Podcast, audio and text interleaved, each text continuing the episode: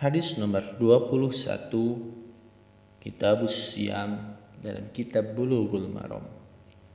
An Abi Hurairah radhiyallahu anhu qala Qala Rasulullah sallallahu alaihi wasallam Man dhara'ahul qayyu fala qada'a alaihi wa man istaqa'a fa alaihi al-qada'a rawahul khamsah wa allahu Ahmad wa qawahu Darqutni dari Abu Hurairah radhiyallahu anhu dia berkata Rasulullah shallallahu alaihi wasallam bersabda Barang siapa yang terpaksa muntah maka tidak wajib kodo atasnya.